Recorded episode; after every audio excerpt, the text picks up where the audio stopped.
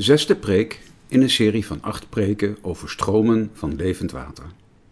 Thema van deze dienst is levende woorden. Voorganger is dominee Johan Visser, opgenomen op 29 november 2020 in de Noorderkerk te Amsterdam.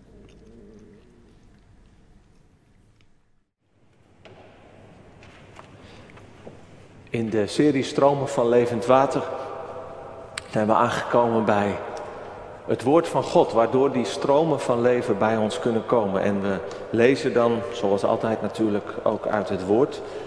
Eh, twee gedeelten. Eerst uit Psalm 119. Dat is een alfabetische psalm. Alle Hebreeuwse letters hebben eh, acht versen gekregen. Die in het Hebreeuws, elk vers begint ook met diezelfde letter. En we lezen een van die gedeelten van de letter Noen, de letter N, 105 tot 112. En daarna lezen we uit de brief van Paulus aan de Romeinen het tiende hoofdstuk. En uh, beginnen bij vers, uh, vers 8 tot 15. Ik had 9 geschreven, maar één versje eerder. En nadat we de schriften hebben gehoord, luisteren we naar de berijming van Psalm 119 uit het liedboek, de versen 6 en 40. Psalm 119, vers 105. Uw woord is een lamp voor mijn voet en een licht op mijn pad. Ik heb gezworen en ik zal het gestand doen. Ik zal uw rechtvaardige bepalingen in acht nemen. Ik ben ten zeerste verdrukt. Heere, maak mij levend overeenkomstig uw woord. Aanvaard toch, Heer, de vrijwillige gave van mijn mond en leer mij uw bepalingen. Mijn leven is voortdurend in gevaar. Toch vergeet ik uw wet niet. De goddelozen hebben voor mij een strik gezet. Toch ben ik van uw bevelen niet afgedwaald. Uw getuigenissen heb ik voor eeuwig in erfelijk bezit genomen, want ze zijn de vreugde van mijn hart.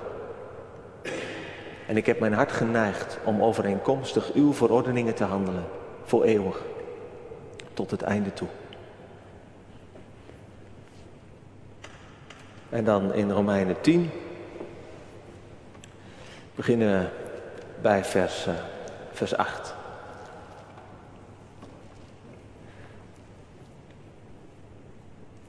Daar schrijft Paulus, maar wat zegt zij? Dat is de gerechtigheid die uit het geloof is. Hij maakt een tegenstelling, de gerechtigheid die uit de wet is, die uit het geloof is. En die gerechtigheid die uit het geloof is, die zegt, dicht bij u is het woord.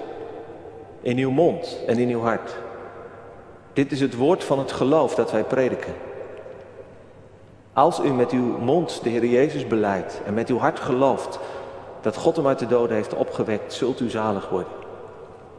Want met het hart gelooft men tot gerechtigheid en met de mond beleidt men tot zaligheid. Want de schrift zegt, ieder die in hem gelooft zal niet beschaamd worden. Er is immers geen enkel onderscheid tussen Jood en Griek, want één en dezelfde is Heer van allen en hij is rijk voor alle die hem aanroepen. Want ieder die de naam van de Heer zal aanroepen, zal zalig worden. Maar hoe zullen zij dan hem aanroepen in wie ze niet geloven? En hoe zullen zij in hem geloven van wie ze niet gehoord hebben? En hoe zullen zij horen zonder iemand die predikt? En hoe zullen zij prediken als ze niet gezonden worden? Zoals geschreven staat. Hoe lieflijk zijn de voeten van hen die vrede verkondigen. Van hen die het goede verkondigen. U bent zalig als je het woord van God hoort en het bewaart.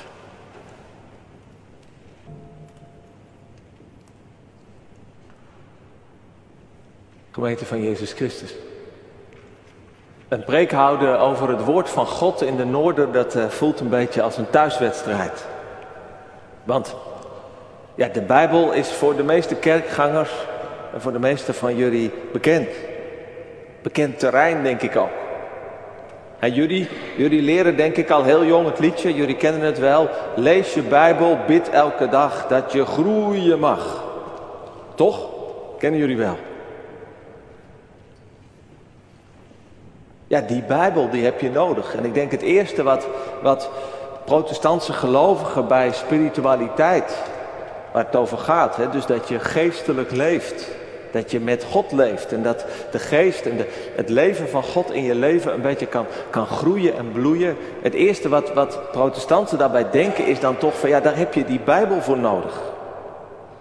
Ja, want daarin ontmoet je God. In, in dit woord van God hoor je wat je nodig hebt voor je ziel en je zaligheid. En nou ja, wij kunnen misschien wel stoer zeggen natuurlijk, wij zijn gelovigen van het woord. Maar laten we ook maar een beetje nederig zijn. Dat geldt voor alle christelijke kerk. Deze zondag wordt in alle kerken, orthodox, evangelisch, eh, katholiek, wordt de Bijbel gelezen en uitgelegd. Bemediteerd, creatief verwerkt. En ook buiten de kerk blijft de Bijbel boeien. Het is niet voor niks het meest verkochte boek aller tijden. Je merkt dat bijvoorbeeld op een Bijbelklas. Als we hier in de Noorder met een groep mensen uh, van buiten de kerk, van binnen de kerk samen een Bijbelverhaal lezen, dat het eigenlijk iedereen altijd wel weer weet te raken. Mooi voorbeeld. Uh, Ines van Os, zij is hoofdredacteur van het spirituele blad Happiness. En ze verraste velen toen ze in 2017 het boek Rebible uitbracht. Waarin ze de Bijbelse verhalen die ze sinds haar jeugd, haar gelovige opvoeding, eigenlijk een beetje was kwijtgeraakt, vergeten. En na een hele reis langs vooral Oosterse spiritualiteit, het, het boeddhisme en alles wat er, wat, wat, wat er uit, uit India en verder Azië komt, na die reis, wat ze allemaal daar had opgepikt, dat ze toch weer bij die Bijbelverhalen terugkwam. Want die waren bij haar gebleven en ze zei, op het moment dat je hier in het Westen leeft, dan horen die verhalen gewoon bij je. Want het christendom heeft zoveel invloed in, in onze samenleving. Die verhalen die moeten we niet, niet kwijtraken.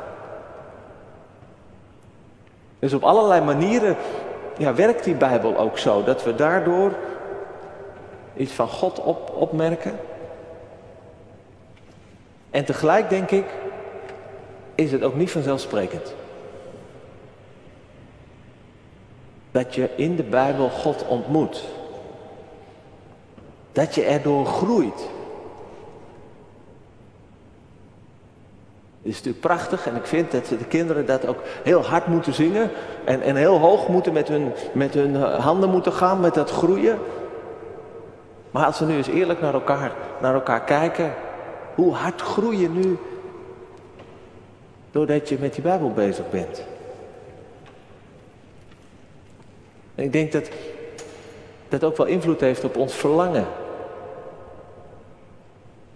Hoezeer komen we met zo'n verlangen naar groei, komen we naar, naar, naar de Bijbel? Of hier in de kerk om naar de Bijbel te luisteren? Of kom je überhaupt nog wel aan Bijbellezen toe? Alweer heel wat jaren terug was er een jongerenactie om geld in te zamelen voor Bijbels voor de kerken in Zuid-Soedan. En de boodschap, en die is me altijd bijgebleven, die was: zij willen Bijbel lezen, maar ze hebben geen Bijbels. Door de, de, de armoede, de ellendige situatie, helemaal geen geld voor, voor Bijbelse boeken. En wij hebben Bijbels. Maar het lezen is zo moeilijk. Het is natuurlijk zo, we hebben Bijbels in overvloed. Jongere Bijbels, gespreksbijbels, starterbijbels, kinderbijbels, bijschrijfbijbels in vertalingen voor elk wat wils. Bijbel-apps met, met, met leesplannen waar, waardoor je nou ja, tot in alle eeuwigheid door kan blijven lezen. Allerlei hulpmiddelen, dagboeken, ontzettend kinky boekjes voor kinderen.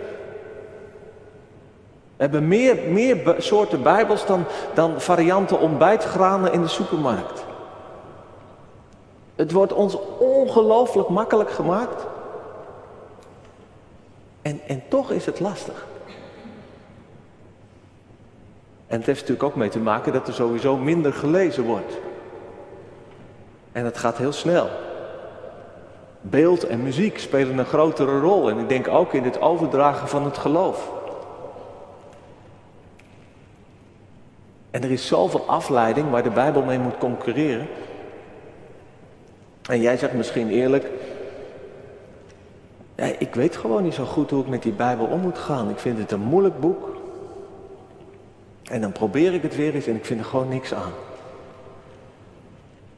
Of, of u of jij, je bent er wel eens mee begonnen, soms heel enthousiast. Maar dan na een poosje haak je af. Dan kom je met zo'n, bij zo'n offertekst terecht. Of een gewelddadig verhaal. Of een brief van Paulus waar je eh, met de beste wil van de wereld al heel snel afhaakt. Nu, één ding is denk ik belangrijk om te beseffen.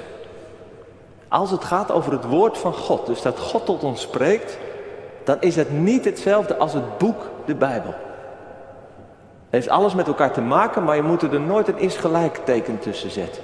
Het woord van God valt niet samen met, met het boek. En dat is maar goed ook, hè, want eeuwenlang hadden mensen niet eens een boek. En heel wat van onze broeders en zusters op deze wereld, die kunnen nog niet, niet eens lezen. Dus moesten mensen en moeten mensen het hebben van wat ze hebben gehoord. Wat ze horen voorlezen, wat ze uit hun hoofd hebben geleerd. En, en wat ze zagen. Het verhaal van, van Zacharias en de engel, ja, dat zag je vroeger in de middeleeuwen, dat, dat, dat kende je vooral van de beelden en de afbeeldingen in de, in, in, in, in de kerk. En het zal in, in, in onze tijd, de komende tijd, weer enorm gaan veranderen natuurlijk, op een heel andere manier. Door de technologische veranderingen zal, zal het boek een heel andere functie krijgen. En de Bijbel zal dus ook op andere manieren gebruikt gaan worden. Manieren met nieuwe kansen en ook weer met een heleboel nieuwe gevaren. Maar zo gaat het in de wereld. Maar ook al verandert dat heel erg met het boek, de woorden van God, die blijven. En zonder die woorden van God uit de Bijbel kunnen we ook niet geloven. En dat heeft ermee te maken omdat, omdat God een sprekende God is. Prachtig op formule gebracht door de apostel Johannes. In het begin was het woord en het woord was God. God is niet het zwijgende noodlot. God is niet de altijd stromende oerenergie in de kosmos. Of, of een liefdeskracht die ergens diep in ons huist. Nee, God spreekt, communiceert, zoekt contact, gaat in gesprek, zoekt dus ook, ook, ook een reactie, ons antwoord.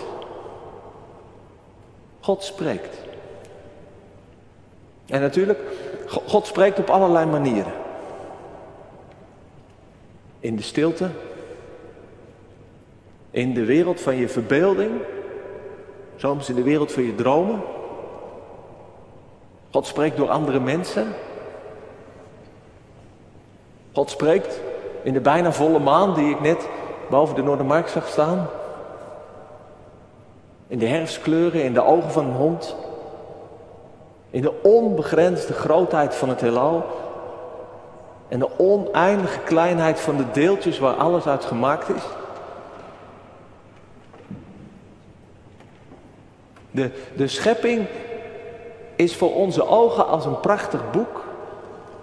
Waarin alle schepselen groot en klein als letters zijn. Die ons de onzichtbare dingen van God te aanschouwen geven. Dat is met dank aan Giel Roos hoop dat je meekijkt, Giel. Die, uh, die woensdag bij het leerhuis opeens deze tekst achteruit zijn Bijbel voorlas. Toen we het er ook op een andere manier over hadden. Dat is de Nederlandse geloofsbelijdenis, artikel 2. Dat is een, is een beeld dat vaak, vaak voorkomt in de, in de christelijke theologie. De, de natuur is ook een boek.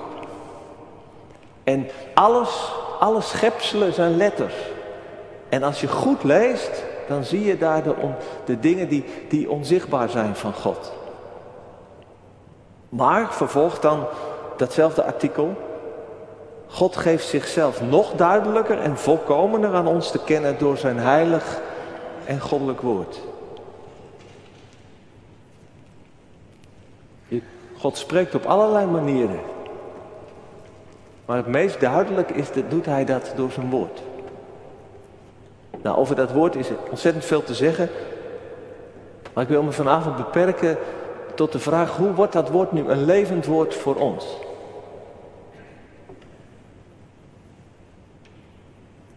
En trouwens, dat geldt natuurlijk ook voor dat boek van de schepping. Hè? Ah, dat God spreekt door de natuur, door andere mensen, door, door je eigen leven. Ook, ook daarin kun je heel afgestomd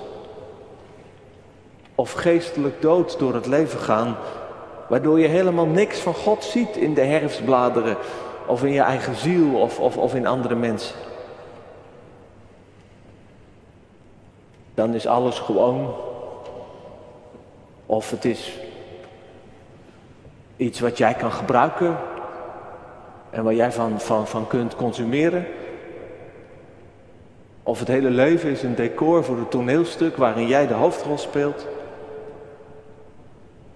Nee, ook, ook daarin, het wordt niet zomaar levend. En het geldt ook bij de Bijbel. Die woorden, die worden niet zomaar levende woorden. Nou, hoe dan wel?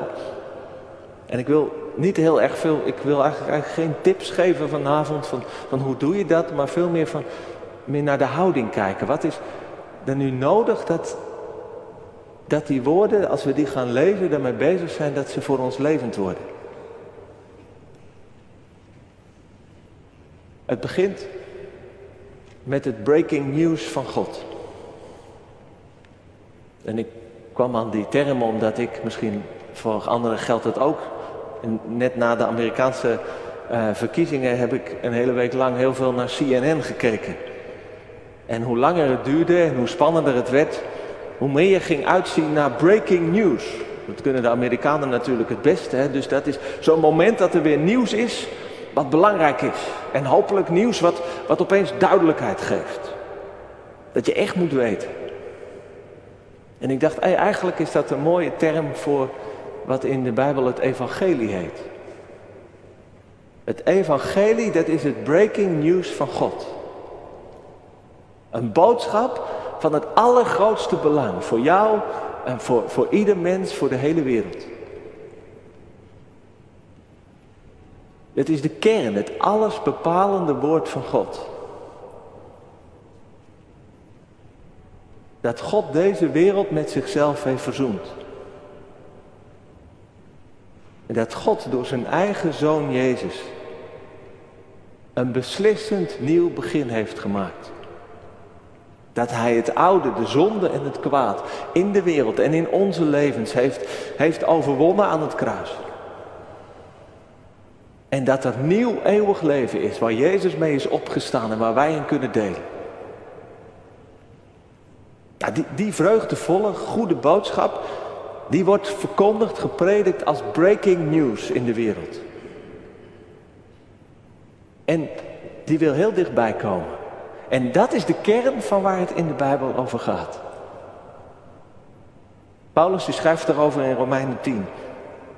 Dicht bij u is het woord. In je mond, in je hart. Het woord van het geloof dat wij verkondigen. Dus dat woord is een woord van geloof. Dus een woord wat, wat geloof wekt. Wat overgave en vertrouwen in je, in, in, je, in je oproept.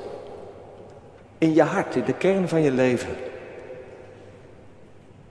Dat je in je hart gaat geloven dat wat er met Jezus is gebeurd, dat dat nieuwe begin, dat het ook voor jou geldt.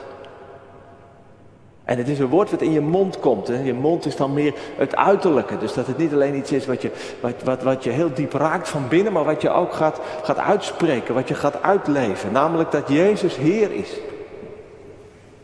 De beslissende persoon in de wereld en in mijn eigen leven. Dat als je die naam aanroept, zo gaat Paulus dan verder, hij haalt de profeet Joel aan, dan, dan word je gered dan word je zalig. Dan, heb je, dan heeft je leven het laatste en het enige houvast gevonden. En ieder die de naam van de Heer aanroept, hè, Jood of Griek, dat maakt allemaal niet meer uit. Vroom of niet, goddeloos of, of, of, of kerkelijk. Als je die naam aanroept, dan ben je zalig. Dan ben je gered. Kijk, de Bijbel die kun je op heel veel verschillende manieren lezen en gebruiken. En ik denk, hè, dat is typisch voor ons eh, protestanten. Met dat we de Bijbel in de, in de volkstaal hebben gegeven en dat die ook voor iedereen beschikbaar is. Is het ook, ook prachtig. Iedereen kan de Bijbel op zijn of haar manier lezen, gebruiken. Alle vrijheid. Maar ik denk, wil die Bijbel levend woord worden, dan zul je er toch altijd weer dat evangelie eerst in moeten horen. Dat is, dat is de poort, zou je kunnen zeggen. Waardoor het evangelie, het, het woord van God levend wordt, open gaat. Het goede nieuws. Dat natuurlijk ook altijd wel weer slecht nieuws is. In die zin dat, dat je verlossing nodig hebt. Dat u het zelf niet redt. Dat je zo niet verder kunt. Dat wij in deze wereld ons moeten omkeren en nieuw opnieuw beginnen. Dat je je zonde achter je moet laten, jezelf verliezen. En dat je je leven moet vinden niet in jezelf, maar bij Christus. En dat, dat woord, dat nieuws, dat, dat wordt ons gezegd, verteld, verkondigd. En dat kan gebeuren op het moment dat je zelf met de Bijbel bezig bent. Maar ik denk, als het nieuws is, dan moet je het eigenlijk altijd weer van anderen horen, toch? Dat, zo werkt het bij nieuws. En volgens mij werkt het bij het evangelie ook zo. Er moet iemand zijn die het tegen je zegt. Dat kan hier op zondag zijn, in de verkondiging. Maar ook op, op, op een kring of in een gesprek. Dat dat nieuws ons wordt gebracht door anderen. Dat je het niet helemaal diep in jezelf moet, moet, moet gaan halen. Of dat je een of andere geestelijke ladder moet gaan, gaan, gaan klimmen. Maar dat het gewoon tegen je wordt gezegd. Dit is de boodschap.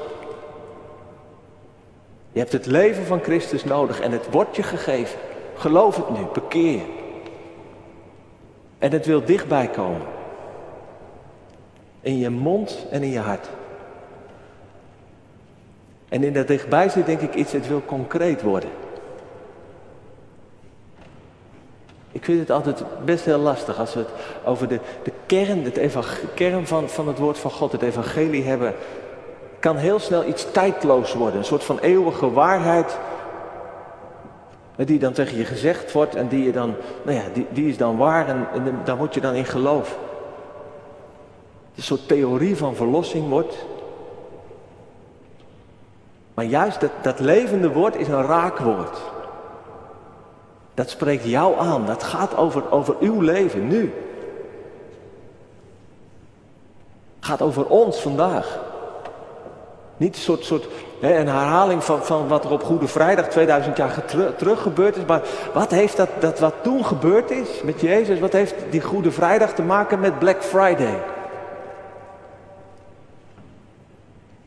Die vandaag zo, zo heel veel met ons leven te maken heeft. Nu, dat, dat nieuws, dat kunnen we niet maken. Dat is niet een vaste formule. En ook niet een set bijbelteksten die je kan zeggen, nou, hier is het. Nee, dat moet gepredikt worden, verkondigd. En Paulus zegt het ook, van ja, hoe kun je het verkondigen als je niet gezond bent?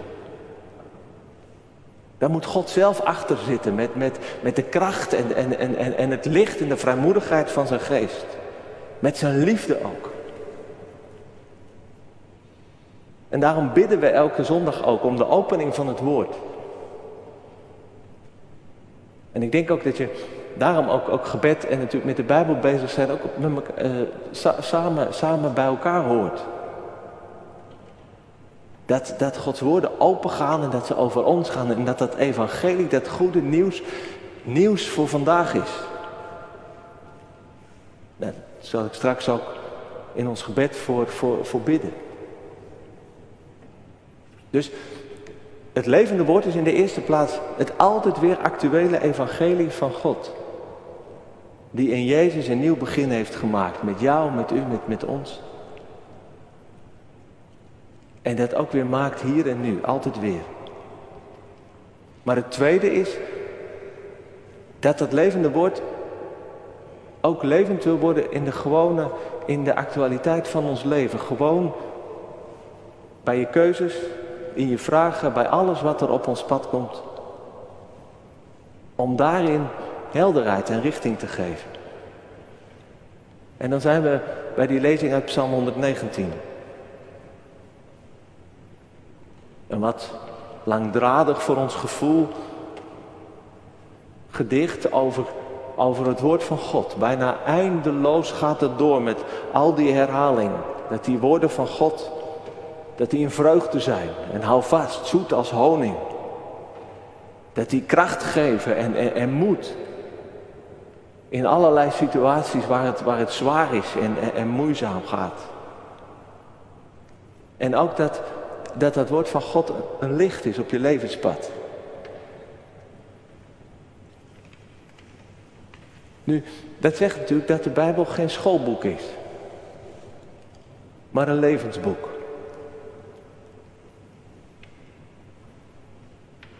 En dat is soms ook, denk ik, een beetje de frustratie die wij kunnen hebben als we Bijbel lezen. Dat het een beetje een chaotisch boek is.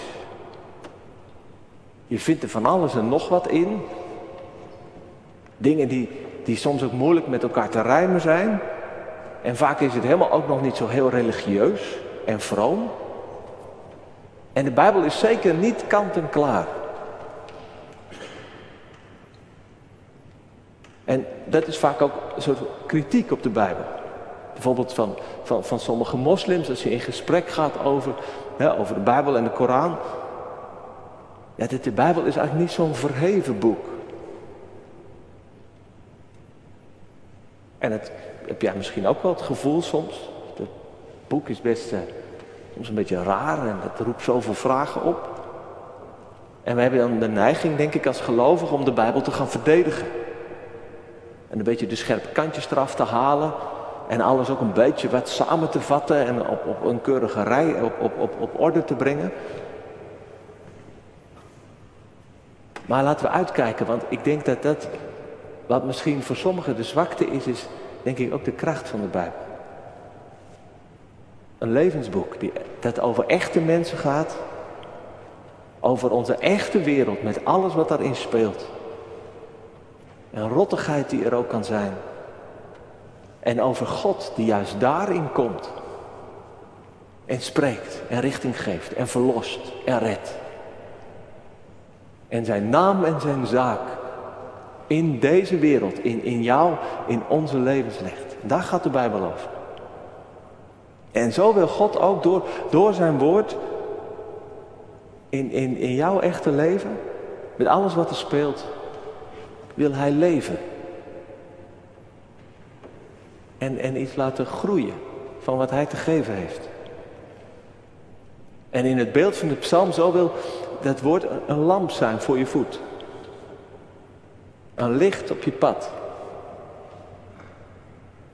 Dus niet een schijnwerper die alles in één keer helder maakt. Als een soort voorspelling van alles wat er, wat, wat, wat, wat, wat er uh, zal gaan gebeuren in je leven of in de wereld. Nee, een lichtje.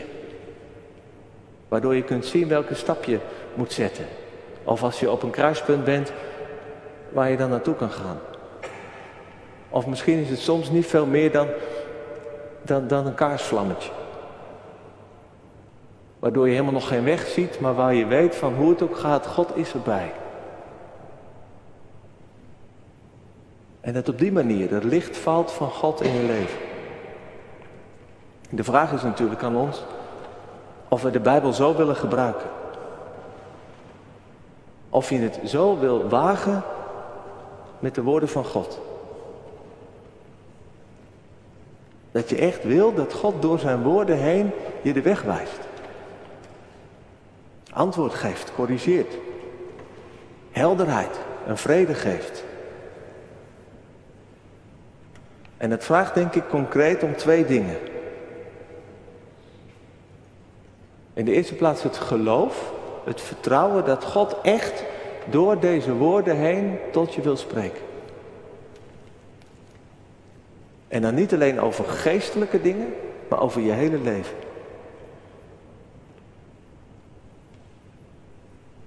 Dus dat er, wat, er, wat, er, wat er allemaal speelt in je leven, dat je daarmee en met je vragen heel simpel naar de Bijbel gaat.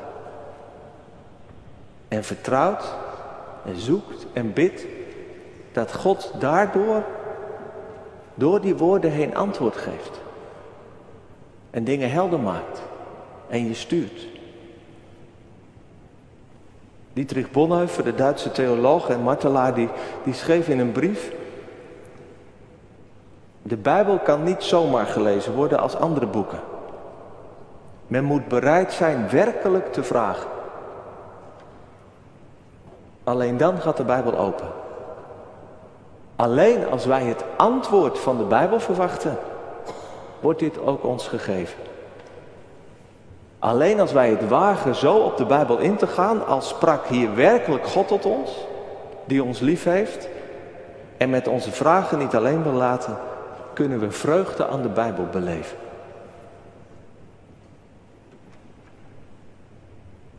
En ik denk dat dat best radicaal is. Dat je het vertrouwen hebt dat God hier doorheen spreekt, maar ook dat je de bereidheid hebt om dus je te laten leiden. Hier licht op je levenspad wil laten, laten vallen door de woorden van God. Dus begin met je vragen, met je zoeken, met je verlangens en vertrouw erop dat God je niet alleen wil laten. En dat Hij zijn woord gebruikt en levend maakt om, om, om je gewoon richting te geven. In je leven. En soms kan het opeens iets openvallen en, en, dat je door, door een bijbelwoord opeens weet, oh ja, dan is dit de richting, moet ik gaan. Maar heel vaak is het, is het ook niet zomaar een toverwoord, maar is het dat je in je worsteling en in je zoeken, zeker als het over lastige dingen gaat, dat je, dat je daarin soms vrede ontvangt door, door, door de Bijbel. Of dat een woord heel lang met je meegaat en dan opeens een keer oplicht. Maar de vraag is natuurlijk wel of je erop wil vertrouwen dat God hier doorheen spreekt. En ook wil wachten tot hij spreekt. En het tweede concreet is, ja, is dat je met de Bijbel leeft. Ja, dat is eigenlijk de vooronderstelling van alles.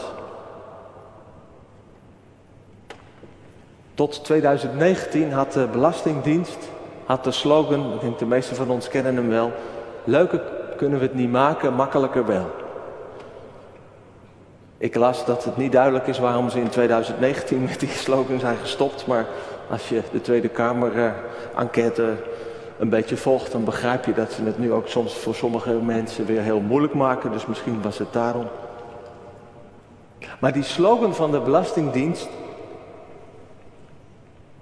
die geldt ook wel een beetje voor de Bijbel. Alleen met de Bijbel is het misschien nog wel wat lastiger. Ja, met de Bijbel kunnen we het uiteindelijk niet heel veel leuker maken. Zijn we in de kerk vaak wel een beetje mee bezig en dan willen we het leuk en gemakkelijk, maar uiteindelijk weten we ook, denk ik, diep van binnen wel. Als je alles leuk maakt, het werkt vaak ook niet. Je moet soms ook gewoon met die Bijbel aan de slag. En gemakkelijker. Nou, je kunt het jezelf soms gemakkelijker maken, maar je zult het toch moeten doen. En als je de Bijbel niet leest en niet gebruikt, ja, dan komen de woorden van God niet tot je. Zo simpel is het.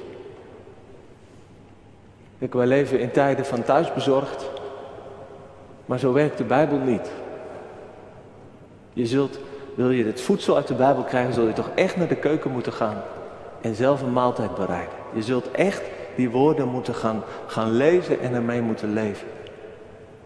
En er zijn honderdduizend tips en hulpmiddelen om met de Bijbel om te gaan en te lezen en te leven. Maar je hebt er natuurlijk niks aan als je het niet wilt en niet doet. Door er gewoon met regelmaat tijd en zin voor te maken.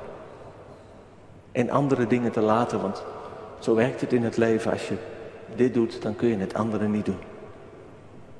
En dat, dat proef je ook in Psalm 119. Ja, dat je er werk voor moet maken. Ik heb gezworen, schrijft de, zegt die dichter. Ik zal het doen. En ik heb mijn hart geneigd. Dat is een mooie Bijbelse uitdrukking. En neigen is dat je iets, iets een bepaalde richting op duwt.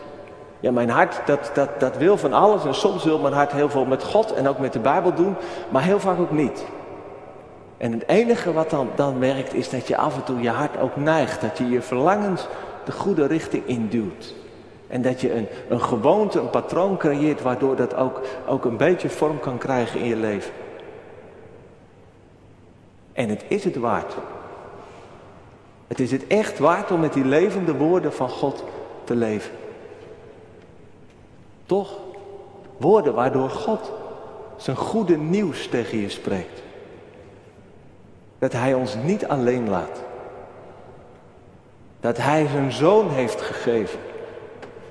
Met wie Hij voor een ieder van ons een nieuw begin maakt.